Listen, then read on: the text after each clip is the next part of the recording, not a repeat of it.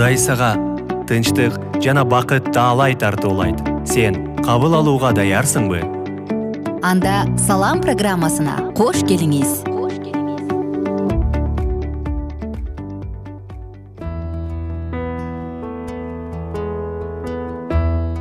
Замандаштар баарыңыздарга ысык салам айтабыз. Кутман күнүңүздөр менен жана сиздер менен биз кезектеги подкастты баштадык. Бул подкаст сиздер үчүн.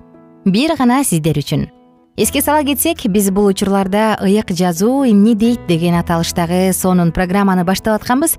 Жана бүгүн дагы сиздер менен сонун сонун күбөлүктөрдү сонун маалыматтарды угабыз деп кепилдик берем. Мына ошондуктан биз менен бирге болуңуздар сонун маалыматтар баардыгы бир гана сиздер үчүн.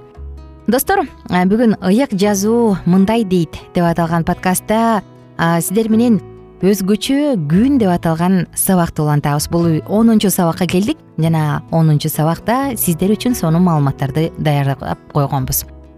Сабагыбыздын башында подкасттын башында биз кыскача бир окуя угуп алалы андан соң бирге улантабыз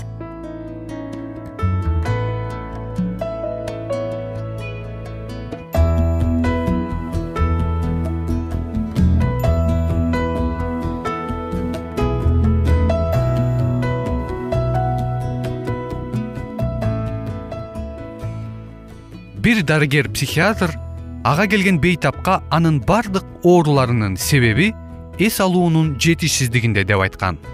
Ал доктур адамдарды эс алганга үйрөткөн. Негизги кеңеш бейтап бардык көйгөй менен түшүктөрүн унутуп алар тууралуу ойлонбошу керек болчу. Психиатр мындай деп ынандырчу. Эгерде адамдар жумасына бир эле жолу жагымсыз учурлар менен түшүктөрүн ойлобой койгондо жана толук кандуу эс алганында психиатриялык ооруканаларга муктаждык жаралбайт эле. Акыл жана рухий энергиянын запасын толтуруп алгыла деп кудай бизге аптанын бир күнүн бөлүп берген. Библияга ылайык бул күн ишемби күн. Анда эмне үчүн машаякчылардын көп бөлүгү жекшембини ыйык тутушат? Эгерде сизди жыл сайын туулган күнүңүз менен өз туулган күнүңүздө эмес башка күндөрдө каалагандай куттуктай берсе жагымдуу болобу? Менимче бул жагымсыз. Бүгүнкү күндө ишемби күнү менен дагы ошондой жагдай болуп жатат. Адамдын кудай менен болгон өзгөчө мамилеси үчүн бул күндү кудай өзү ыйыктаган. Адамдар болсо ага башка күндү арнап жатышат. Бул кудайга жагабы сизди кызыктырган баардык суроолорду whatsapp номерине жазыңыз. Биздин сандар плюс бир үч жүз бир жети алтымыш алтымыш жетимиш. Плюс бир үч жүз бир жети алтымыш алтымыш жетимиш.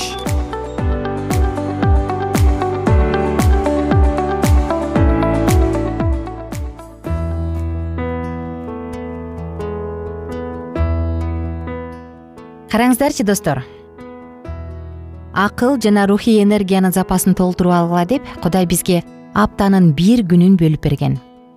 Ыйык жазууга ылайык бул күн ишемби күн. Мына ошондуктан ар бир ишемби эс алып өзүбүздүн ден соолугубузду сактап кайрадан калыбына келтирип энергияга толо турчу учур. Эгерде сизде жыл сайын туулган күнүңүз менен өз туулган күндү чын эле куттуктабай башка эле өзүнө туура келген туулган күндү эле куттуктай берсе мага чалып алып эле туулган күнүң менен деп жайында деле күзүндө деле айтса албетте бул мага жагымсыз болмок. Ушул сыяктуу эле башка адамдарга дагы жаратуучуга дагы алтынчы күндү эмес башка күндү эле арнап куттуктайбыз куттуктайбыз бул күндү сага арнайбыз ой рахмат дей эле берсе бул деле жаратуучунун көз алдында туура эмес экен. Ошондуктан ар бир ишемби бизге эс алуу үчүн энергияга толуш үчүн жана эң башкысы жаратуучуга арнаш үчүн берилет теңир кайсы күндү ыйыктыктап жана баталаган? Анткени биз билебиз э көпчүлүк мышаякчылар кимдир бирөө жекшемби күнү жыйындарга барат жекшемби күндү ыйык тутушат кимдир бирөө ишемби күндү ыйык тутат. Кайсынысы туура ошондо? Келиңиздер карап көрөлү. Теңир кайсы күндү ыйыктап жана баталаган? Алты күн ичинде жер жана анын үстүндөгүлөрдү жараткандан кийин кудай жетинчи күндү ыйыктаган башталыш китеби экинчи бап биринчи үчүнчү аяттар. Ал күн жаратуу аптасынын кубанычтуу соңу болду. Анткени жаратуучу жараткан нерсенин баардыгы ага кубаныч алып келди. Башталыш китеби биринчи бап отуз биринчи аят.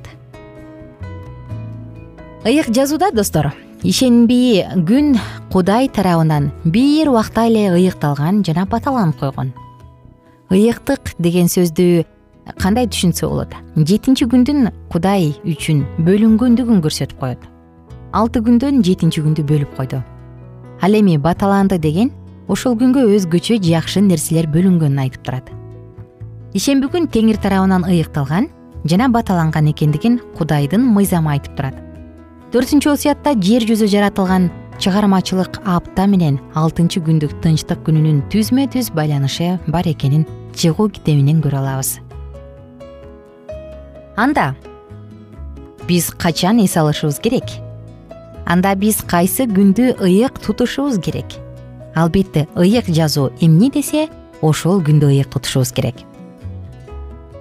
Ошондой эле достор аптанын кайсы күнү жетинчи күн анда деген суроо пайда болот э. Мисалы жетинчи күн дегенде биз жекшемби дейбиз бирок ыйык жазуу боюнча кандай? Заманбап жашоодо адамдар ар кандай күн сактанаарын колдонушат. Күн санактар толтура бирок алардын баардыгы тең бир апталык жети күндүк цикл менен окшош. Демек бул планета бүт планета боюнча эң башынан эле бир апта коюлганын билдирет. Ошентсе дагы бүгүнкү күндө көптөгөн өлкөлөрдө күндөрдүн нумерациясы жылдырылган. Ошондуктан көптөгөн мурунку ссср өлкөлөрүндө жашаган ишенүүчүлөр дүйшөмбүнү биринчи жекшембини жетинчи күн деп санашат. Бирок ыйык жазууда жетинчи күн ишемби андан кийинки биринчи күн жекшемби экени конкреттүү көрүнүп турат. Буга карата дагы көптөгөн далилдер бар. Бул тууралуу ойлонуп көрдүңүз беле?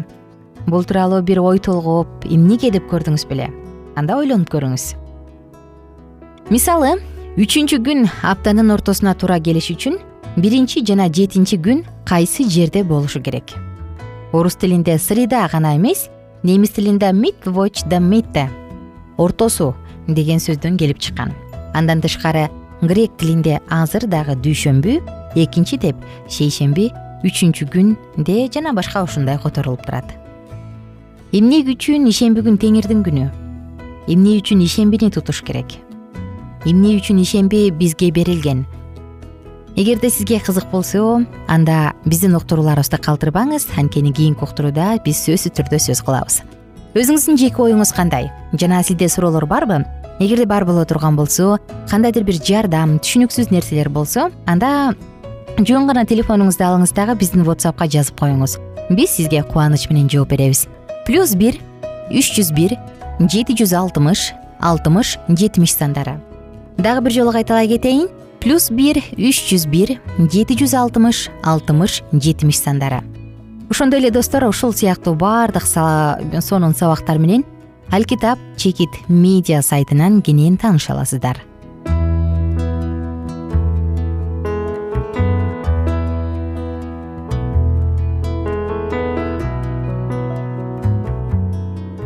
замандаштар саатыбыздын соңунда кааларым сизди адамдардын кайсы бир философтордун айткандары эмес.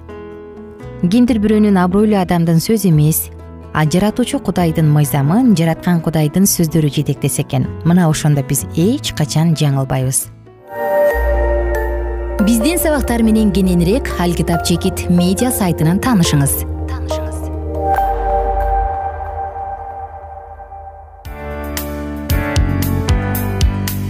ар бир жанга тынчтык каалап ободо салам уктуруусу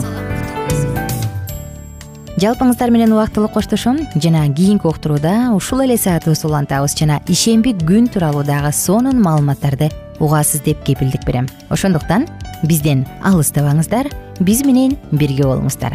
Кийинки уктурууда саламдашканча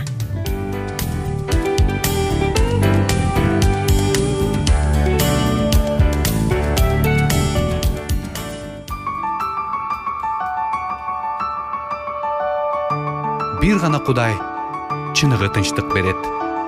Ободо салам уктуруусу